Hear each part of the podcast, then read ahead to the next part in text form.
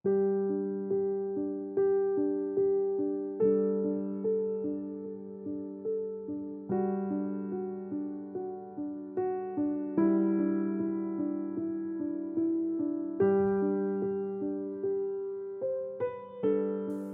Saat Teduh Sinode Gereja Kristen Jakarta. Minggu 10 Desember 2023 Judul Renungan Sebuah Surat Penugasan Diambil dari kitab Yeremia 29 ayat 1 sampai 7 Surat kiriman kepada orang-orang buangan di Babel Beginilah bunyi surat yang dikirim oleh Nabi Yeremia dari Yerusalem kepada tua-tua di antara orang buangan, kepada imam-imam, kepada nabi-nabi, dan kepada seluruh rakyat yang telah diangkut ke dalam pembuangan oleh Nebukadnezar dari Yerusalem ke Babel. Itu terjadi sesudah Raja Yekonya beserta Ibu Suri, pegawai-pegawai istana, pemuka-pemuka Yehuda dan Yerusalem, tukang dan pandai besi telah keluar dari Yerusalem.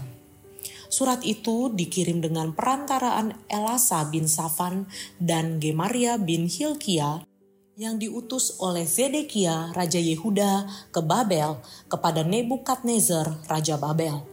Bunyinya, beginilah firman Tuhan semesta alam, Allah Israel kepada semua orang buangan yang diangkut ke dalam pembuangan dari Yerusalem ke Babel. Dirikanlah rumah untuk kamu diami.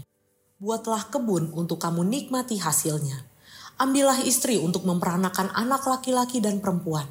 Ambilkanlah istri bagi anakmu laki-laki dan carikanlah suami bagi anakmu perempuan, supaya mereka melahirkan anak laki-laki dan perempuan, agar di sana kamu bertambah banyak dan jangan berkurang.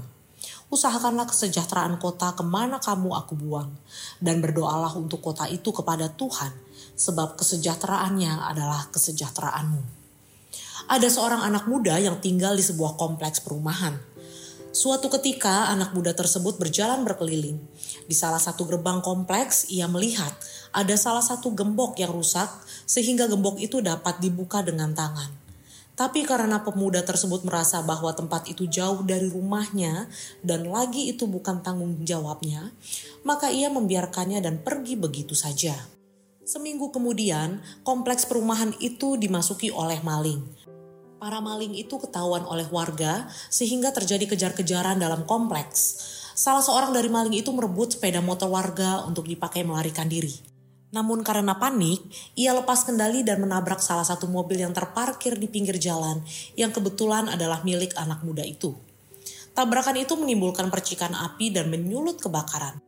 Peristiwa itu membuat pemuda itu sadar bahwa keamanan kompleks itu sebenarnya adalah bagian dari tanggung jawabnya juga, dan seandainya ia mengambil peran, kejadian itu bisa saja tidak terjadi. Nasihat Tuhan kepada bangsa Israel dalam teks ini sangat sederhana sekali, yaitu mengusahakan kesejahteraan kota. Tempat Tuhan membuang mereka, karena kota yang baru itu akan menjadi rumah bagi mereka juga, dan kesejahteraan kota itu akan berdampak pada kesejahteraan mereka. Hal yang lebih penting adalah mereka harus berdoa bagi kota itu, sebab mereka adalah anak-anak Tuhan, dan Tuhan selalu mendengar mereka. Tuhan ingin memakai kehidupan mereka di sana menjadi saluran berkatnya. Ini sangat indah.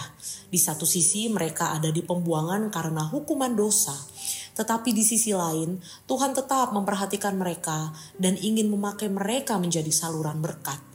Ini artinya bahwa dalam hukuman ini terdapat sebuah misi penugasan, yaitu misi penugasan untuk menjadi saluran berkat Tuhan.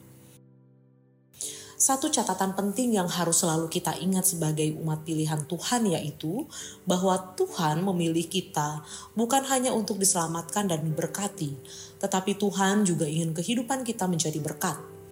Karena itu, tugas penugasan itu juga diberikan bagi kita agar kota tempat hidup kita dapat mengalami kasih dan berkat Tuhan.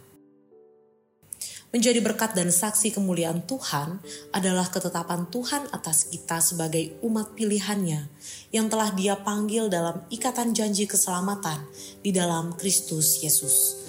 Terpujilah nama Tuhan.